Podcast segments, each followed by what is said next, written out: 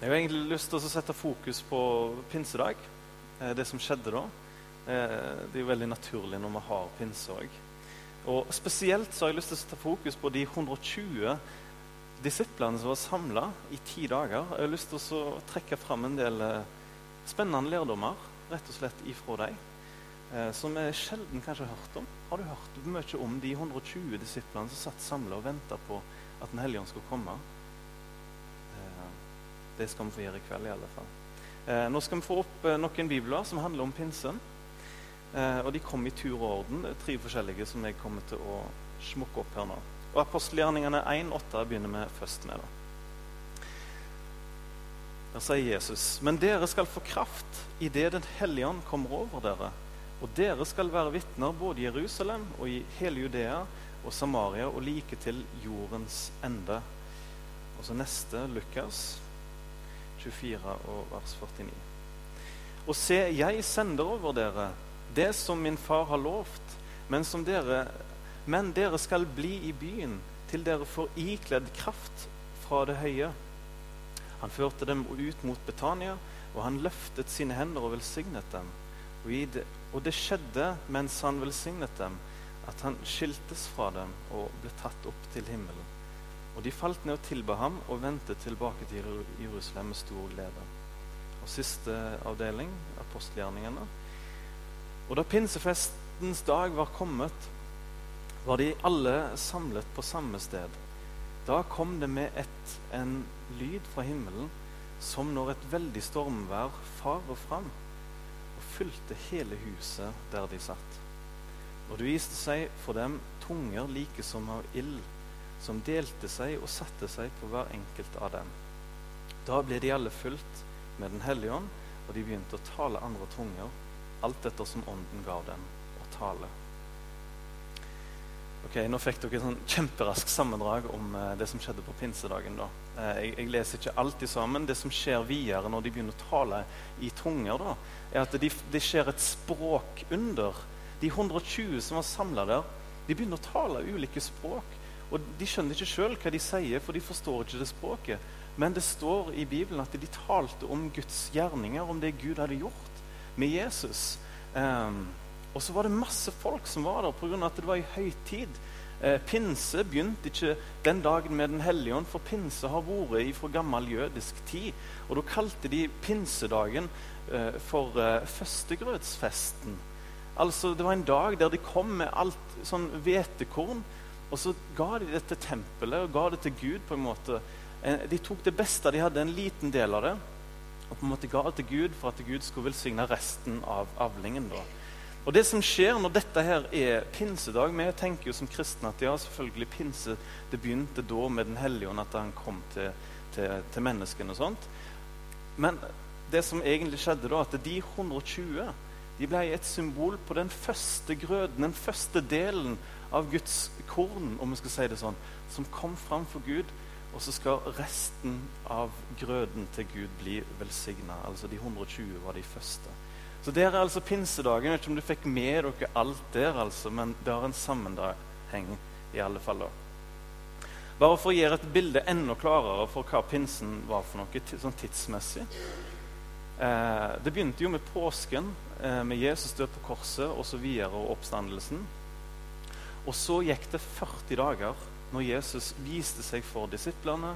Han eh, fortalte dem mange ting. Han viste dem merkene i nevene og viste seg for det meste for 500 mennesker på en gang.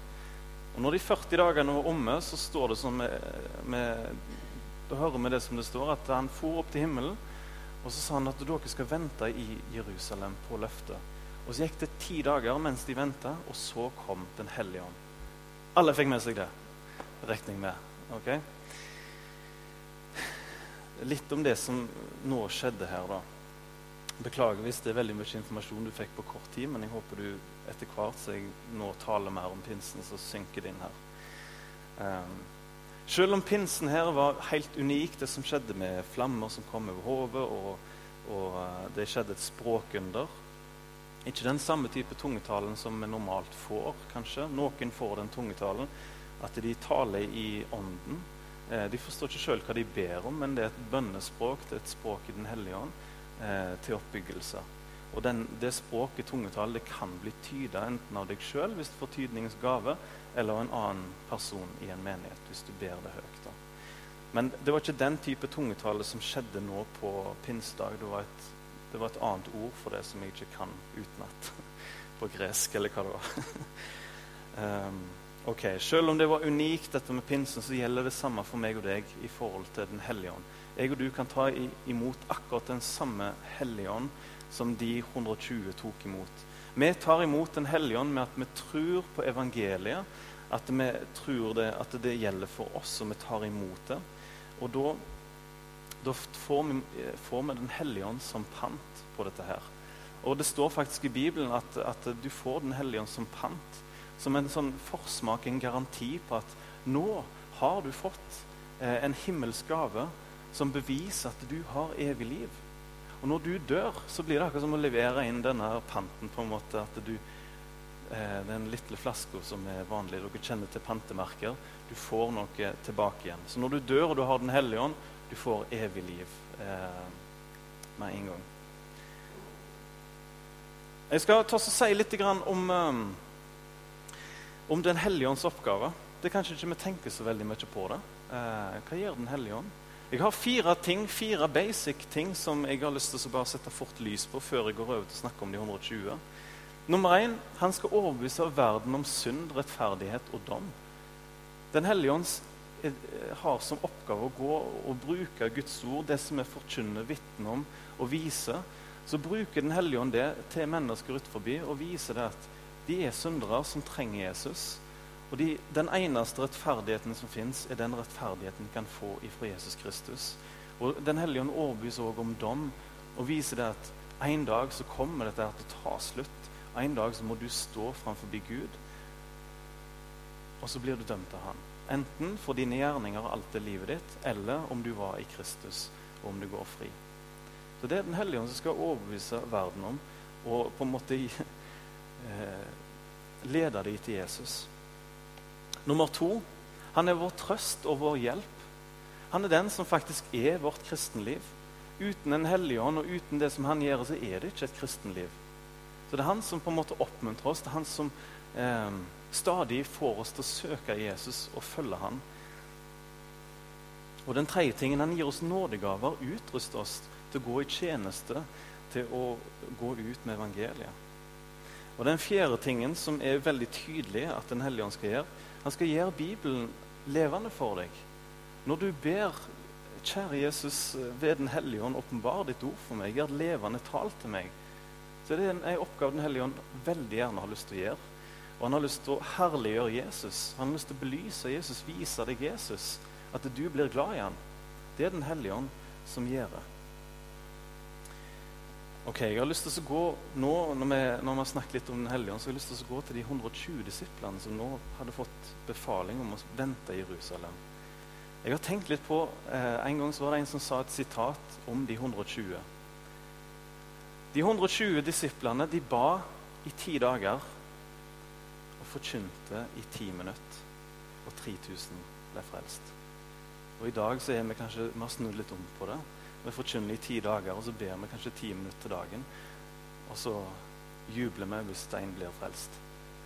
Og så Tenk litt på det perspektivet, hva de første kristne gjorde. De ba og søkte Gud, en, en enorm søken, og de venta på Gud. På hans ledelse og hans kraft. Det kan vi lære veldig mye av.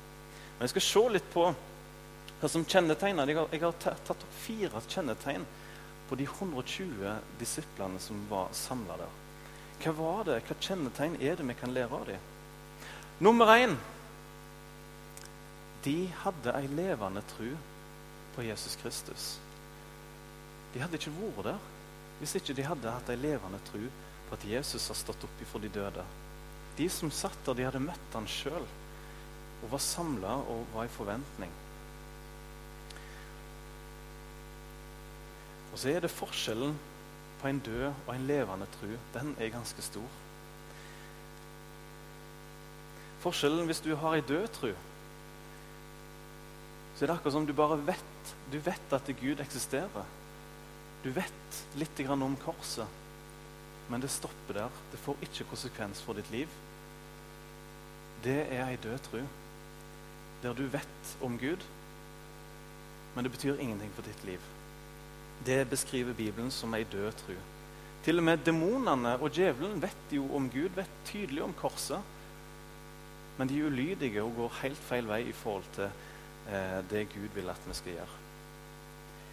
Men ei levende tru ut ifra Jakob 1.21-25, det gir konsekvens for ditt liv. Og disse her hadde en konsekvens.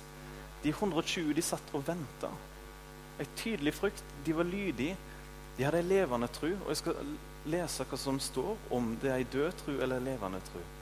Avlegg derfor all urenhet og enhver rest av ondskap, og ta ydmykt imot ordet som er innplantet i dere, og som er mektig til å frelse deres sjeler.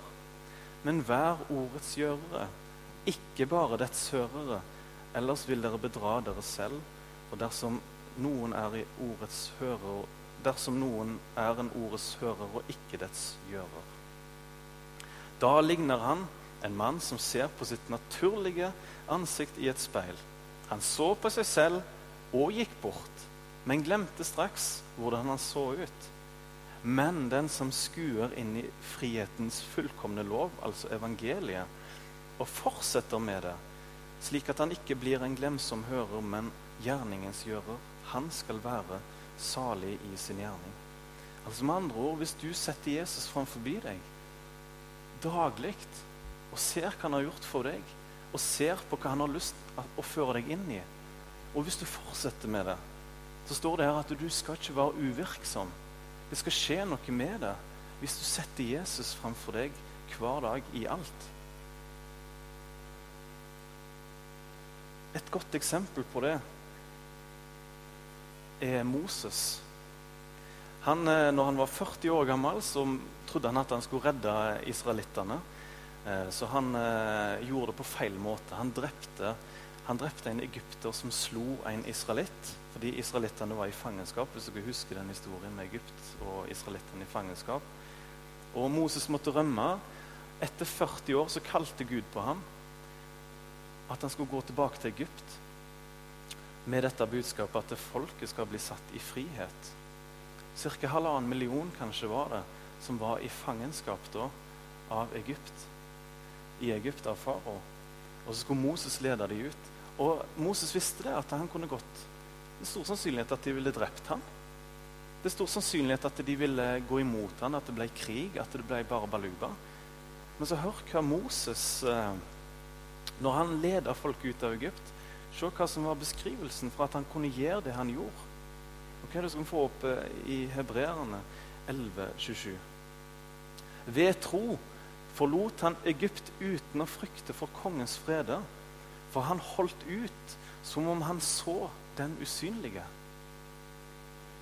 Det er et enormt under når du er glad i Jesus, når du følger han og du vil tro på han. Det er et enormt under når det skjer. Og akkurat som med Moses, det var som om han så Jesus usynlig. Så kan jeg og du òg få oppleve det og følge han og gjøre det, det som du aldri kunne drømt om. For du ser med hjertet ditt. Du vil følge ham, og du tror på ham og har fått ei levende tro. Og det er den trua som de 120 satt med. De hadde fått et personlig møte med ham. De ville ikke snu seg vekk fra Guds ord. Og så fulgte de Jesus resten av livet som om de så ham usynlig. Ok, Nummer to som jeg har lyst til å trekke fram av de 120 de venta tålmodig på Gud i ti dager. Og Hvordan hadde du reagert nå hvis Gud sa til deg du skal vente i Salem i ti dager, så skal jeg vise deg noe? Det begynner nå. Hvordan hadde du reagert da? Jeg tipper du hadde blitt litt stressa, for du hadde sikkert hatt hverdagsoppgaver. Du hadde sikkert hatt en del ting du skulle ha gjort og fiksa. Hadde du orka det, hatt tålmodighet til det og vente i ti dager? Jeg vet det at det skal Gud få gjort noe i vårt liv, så må vi sette av tid til Han. Når Gud arbeider, så tar han seg god tid. Og så lever vi i et samfunn som er totalt jaga. Alt er fast food. Alt skal gå så fort. Og hvis dataen klikker litt i et par sekunder og henger seg opp, og den timeglassen går og surrer Vi holder på å klikke. Det skal skje nå. Vi vil ha det nå.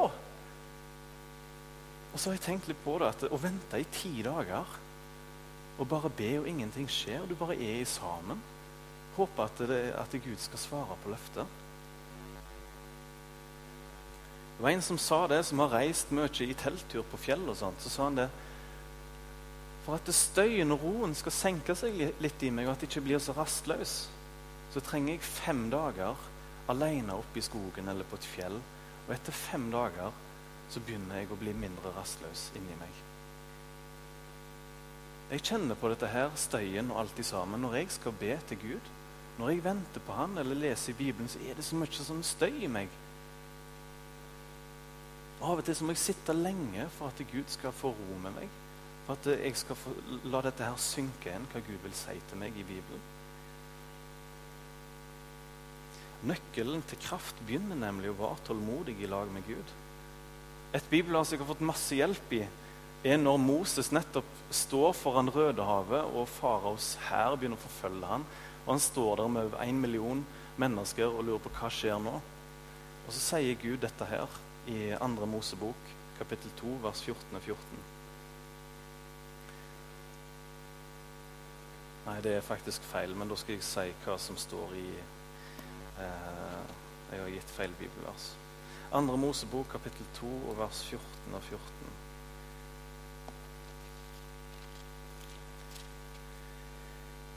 Der står det 'Herren skal stride for dere, og dere skal være stille'.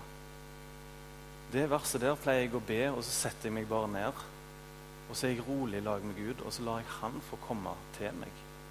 Og kjempe vekk støyen, uroen, rastløsheten og si at nå trenger jeg hjelp ifra deg. Et annet bibelvers som jeg av og til pleier å, å, hvile i og ta fram når jeg er stressa, det er i Markus kapittel 6 vers 30-31.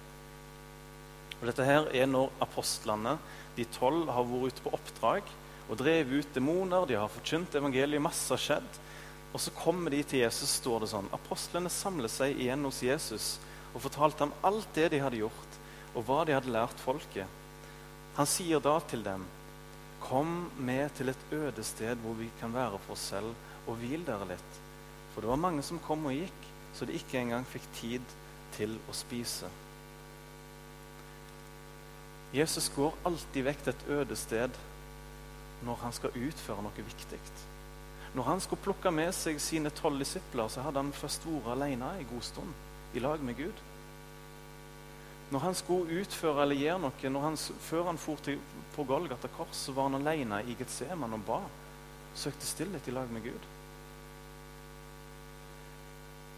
Så nøkkelen til kraft er å være stille og være i lag med Gud på den måten der. Uten det så blir vi bare overfladiske det får ikke synke inn i oss, det Gud vil si til oss. Jeg hadde et eksempel på dette her. Dette her med at vi blir rastløse og ikke får på en måte la Gud slippe skikkelig inn i oss med kraft. En gang så, Og dette med å være sliten òg, ikke minst. Jeg hadde vært med Røst 2010 var det vel, på Lundaneset, på turné. Og vi, var, vi husker jeg dro til Odda i to dager. En eller to dager. Og Vi var 50 stykk i russen. Og Vi gikk ut på gata og evangeliserte. Vi gikk ut og inviterte folk til møte. Og det kom massevis av folk eh, på dette møtet her.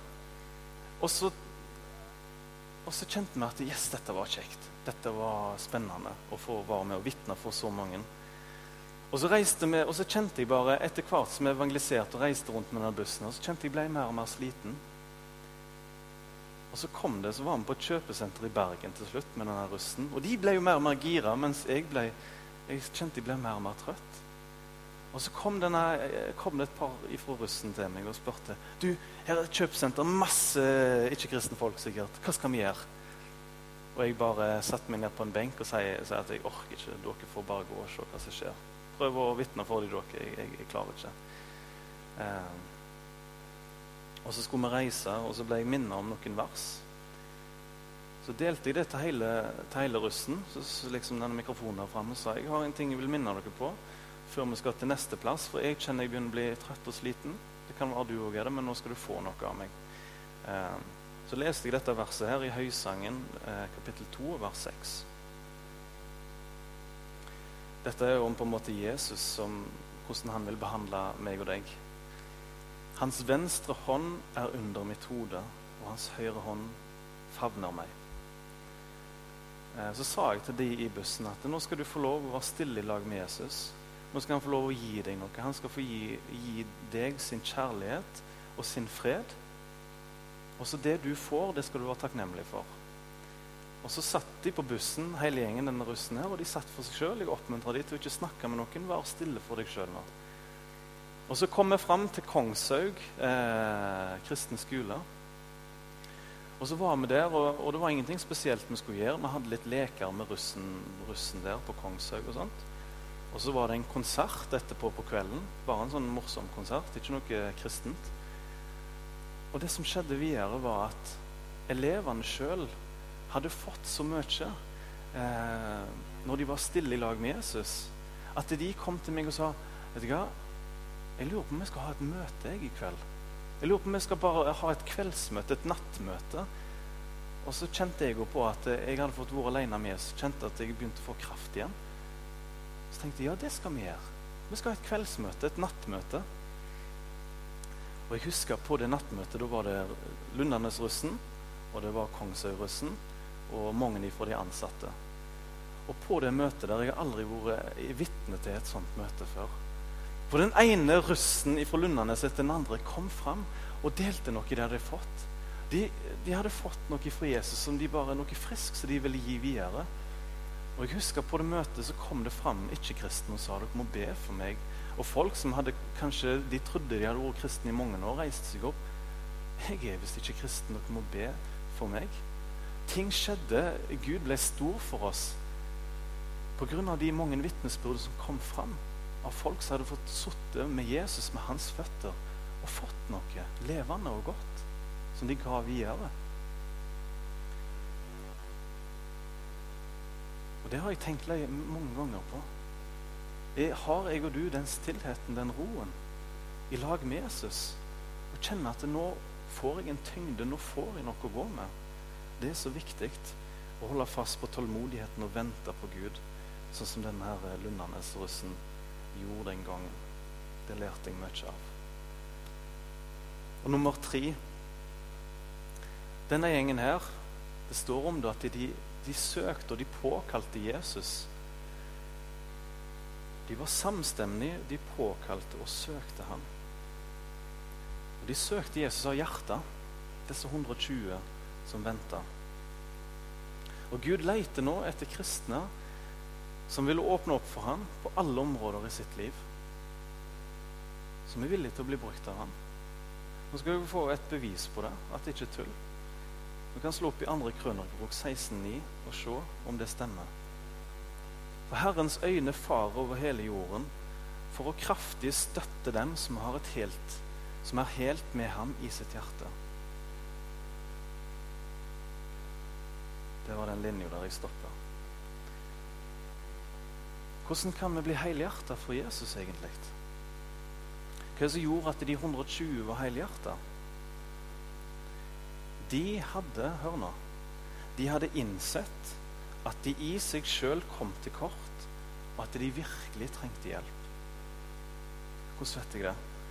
Jo, for tidligere, når Jesus hadde overraska dem, og skal høre tilstanden de var i, skal vi lese når Jesus åpenbarte seg for dem for første gang i Johannes 20, vers 19. Da det ville blitt kveld samme dag, den første dagen i uken, var dørene lukket der disiplene var, av frykt for jødene. Da kom Jesus, sto midt iblant dem og sa til dem, 'Fred være med dere'. Det var disiplene og kanskje en god del av de andre som var en av de 120 som satt nå og venta på pinsedagen. De var redde de, eh, de kom til kort. Og så fikk de et møte med Jesus, som dere hørte der i det verset. Og så skjer det videre. dette her. Jesus gir dem en befaling. Dere skal gå ut hele verden og være mine vitner. Og kan du tenke deg, Når denne gjengen her de er redde, de låser seg inne, lukker døra og prøver å hive nøkkel om de hadde hatt mulighet til det. Og så får de en beskjed dere skal være mine vitner over hele verden. Tror du ikke at de følte seg små? Tror du ikke at de følte at de vridde seg i hodet og bare tenkte dette er umulig? Det er et helt umulig oppdrag. Men så hadde de et lite håp. Jesus hadde sagt til dem dere skal vente i Jerusalem, så skal jeg sende Den hellige ånd til dere. Og så skal dere få den kraften dere trenger til å være vitner. Da tror jeg de søkte Jesus helhjerta. De hadde gitt sitt liv til Jesus. De var livredde, og de kjente vi trenger kraft.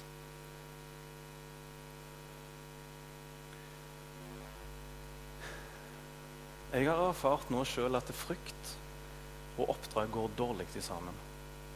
Når jeg fikk kall for mange år siden til å forkynne evangeliet, så ble jeg livredd. For jeg hadde bedt til Gud kan jeg komme hjem til Ølen, min bygd, og være et vitne for alle mine gamle klassekamerater og alle de som jeg har såra, alle de som jeg har eh, festa i lag med. Kan jeg få komme hjem til dem og vitne for dem? Og så svarer Gud på den bønna. Og så åpner han en stor mulighet at jeg kan få reise hjem til Ølen Ølensvåg, og ikke hele distriktet mellom Haugesund og Odda. Og så skal jeg få lov til å være et vitne. Og jeg kjente meg så liten. Jeg har ikke peiling, jeg har ikke erfaring. Jeg har ikke noe utdannelse. Ingenting på dette her med menighetsledelse eller bibelkunnskap. Ingenting. Og jeg kjente meg veldig liten. Og Så kom det til det punktet at jeg bare begynte å be til Gud. Og så fikk jeg erfare det samme som det står i Matteus 28. Når to jenter kommer til grava for, for, å salve Jesus og for å være der, så møter de et tom grav og en engel som sier til dem han, han som dere søker, er ikke her. Han er stått opp. Og Nå skal dere gå og fortelle dette her til disiplene. Og så står det at de kvinnene de sprang av gårde med frykt og stor glede. De var nok livredde. Hva som skjedde egentlig? Hvordan vil dette her bli nå? Og så står det senere, da fikk jeg lese det, at Jesus stopper de to damene, de to jentene, og sier til dem Fred var med dere. Og de kaster seg ned til Jesus og tilber ham. Og så sier Jesus videre, frykt ikke, men gå videre. Og fortell om meg. Fortell at jeg lever. Til mine disipler. Og når jeg fikk sitte for mange år siden og bare falle ned for føttene til Jesus og be til ham og si at 'her er min frykt, jeg er livredd'. Få kjenne at det er akkurat som det går hull på en bull, og det renner ut frykt ifra meg. Og så sitter jeg igjen med hans fred. Så kjenner jeg så fantastisk. Og så kjenner jeg på det at det, hvis ikke jeg er helhjerta med Jesus og søker han med et helt hjerte, da går jeg med en frykt. Og da er en del av meg som ennå er overgitt til meg sjøl og ikke til Jesus. Og jeg tror det er veldig mange, inkludert meg sjøl, som mange ganger har hatt muligheten til å være et vitne. Men så våger vi ikke.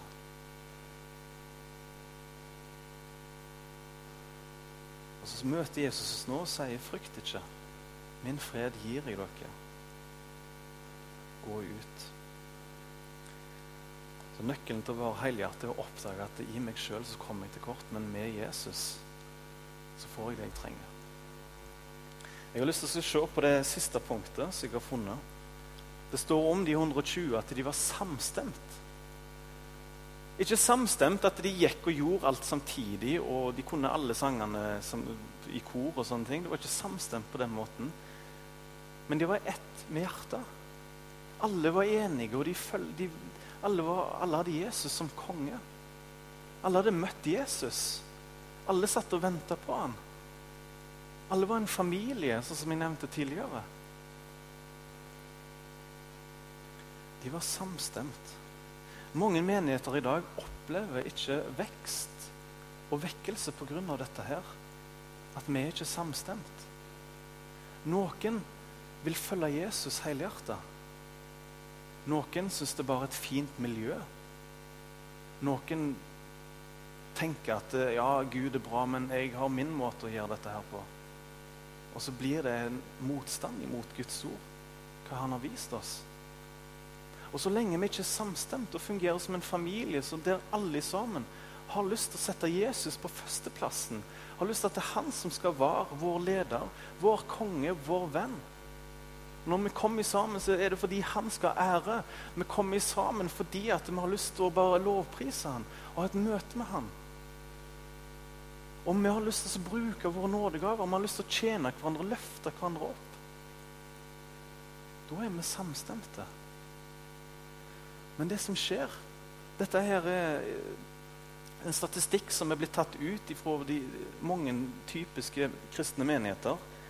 Det er nemlig sånn at 20% av de kristne i en menighet gir 100% av arbeidet. De andre 80% er som en tilhenger som ikke bruker sin nådegave og sitt liv. Hva gjorde de 120 samstemt? De hadde et personlig forhold til Jesus, og så balte det på seg. Og så har jeg tenkt det at eh, hvis jeg og du nå i kveld får et personlig møte med Jesus, og vi sier til han at det her er livet mitt jeg har lyst til å følge deg helhjerta. Jeg har lyst til å være i lag med mine kristne brødre og søstre. Og stå i sammen med de og oppbygge de. Og til sammen så skal vi utvide Guds rike. Vi skal spre evangeliet. Da tror jeg det kan begynne å skje noe. Når du får Jesus i ditt hjerte, så begynner du å spørre etter muligheter å tjene ham på. Muligheter å gi evangeliet til dine ikke-kristne venner til de rundt deg, til dine kristne venner som trenger en oppmuntring òg, begynner du å lure på hvordan kan jeg oppmuntre dem. Og resultatet når pinsedag kom, hva var det? Når Den hellige ånd kom til Peter, fikk han en ny frimodighet. Han fikk en nådegave til å tale og til å bygge Guds rike. Og Bibelen ble levende for ham på en sånn måte når han forkynte, så ble 3000 mennesker frelst den dagen der. Dessverre så vet kanskje bare 20% av de kristne hvilken nådegave de har, og hvilket kall Gud har gitt dem. Er det bibelsk? Hvem er du i den prosentandelen? Jeg håper det at du er her og har Jesus som din personlige herre og frelser. Han er nummer én for deg. Jeg håper at du har sagt til Jesus at 'bruk meg'. La meg få oppmuntre min familie. La meg få bringe evangeliet ut til nye kristne, nei, nye ikke-kristne. Så håper jeg du vet veldig godt hva Gud har gitt deg, som du skal forvalte. Det står i 1. Korinterbrev 12,1, nemlig dette her. Når det gjelder de åndelige gaver, brødre, vil jeg ikke at dere skal være uvitende. Hva nådegave har du? Det er bibelsk at du skal få vite om det. Hvis du ikke vet om det, så må du kanskje bruke tålmodighet. Søke Jesus, bruke tid i lag med han. Be han vise deg det. Og ikke finn på noe sprell i livet før du vet hva nådegave du har fått. Hvor du står i forhold til Jesus hvis du er usikker på det.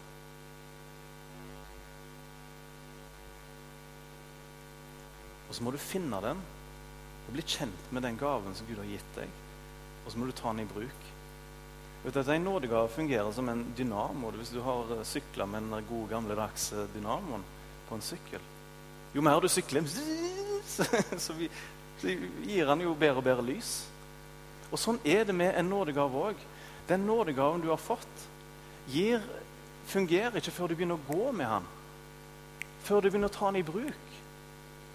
Veldig mange kristne tror at de skal få servert en ferdig snekra nådegave som begynner å tikke og gå bare du tar i den. på en måte. Bare du har fått den og ser på den, så begynner den å virke. At det med en gang du, du, du skal liksom bare, Hvis du har nådegaven til å forkynne, f.eks., for så skal du nesten sånn på en måte Før du går Du trenger ikke å gjøre noe, så skal talen bare renne ned i deg, og du skal vite alt, og så skal du bare si det. ofte er det hvis, du skal ha en, hvis, hvis en person har fått nådegave til å forkynne, så begynner det med at den personen kanskje stiller seg fram, er litt sånn shaky-bakey og har én setning å ville dele.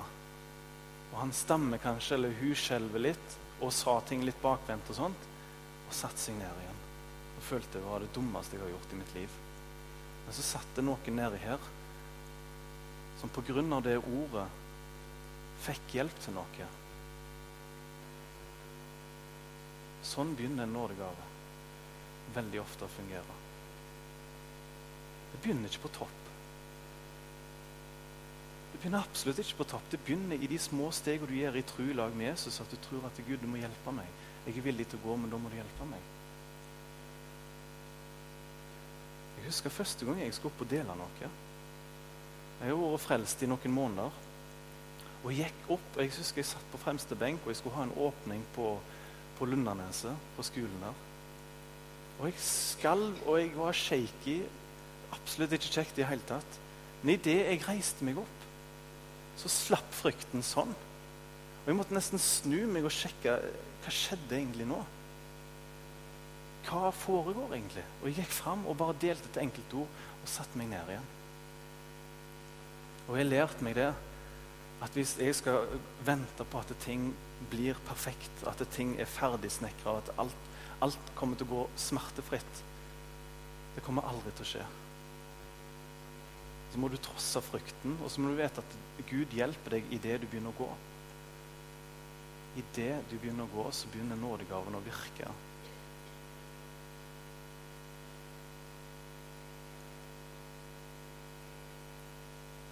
Så husk det bildet med den der dynamoen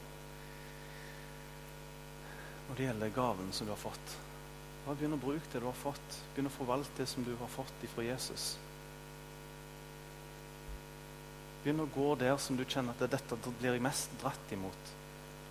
Om det er lovsangen, så begynn å prøve å være med der litt.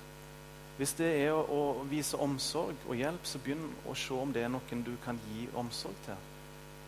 Hvis det er å forkynne, så begynn å ta kontakt og spørre om, om du kan ha en åpning, eller om du kan si noe en eller annen gang.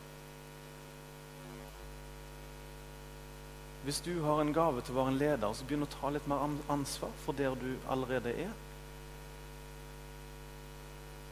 Så håper jeg at du ikke lar denne helga gå over uten at du har sittet lenge med Gud. At du og han eh, At du vet og er trygg på hva Gud vil med ditt liv. Han vil noe med deg. Det er det som er fantastisk. Han har mye han vil si til deg, men så glemmer vi det, eller vi hopper forbi det.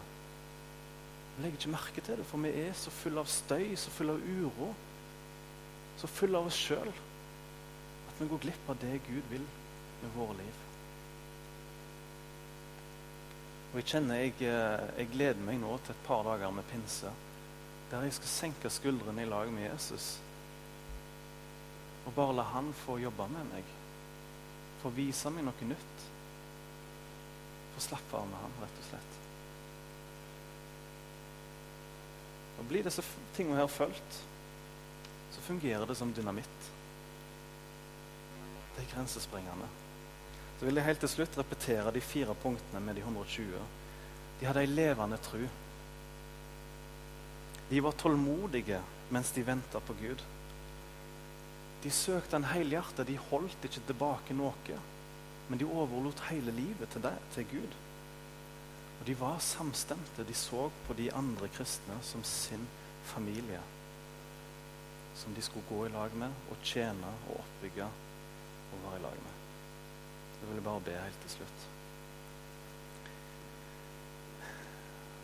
Jesus, jeg bare ber om at vi må få oppleve personlig pinse i våre liv.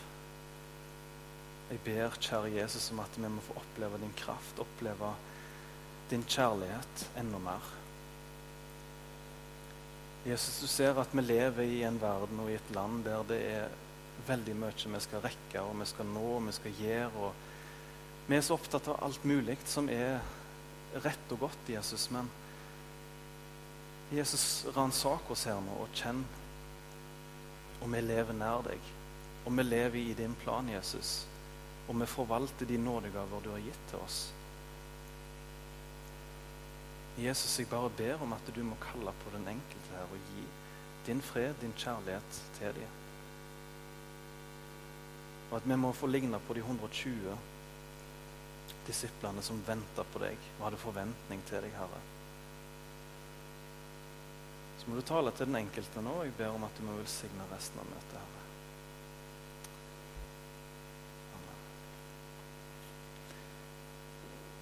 I forhold til nådegaver, før jeg går ned, så hvis du vet veldig lite om nådegaver og andre ting med tjenester, så har jeg ufattelig mye på lager så jeg kan sende over i PDF-format til deg. Jeg har ei liste over alle nådegaver som er nevnt i Bibelen, og en liten forklaring på dem.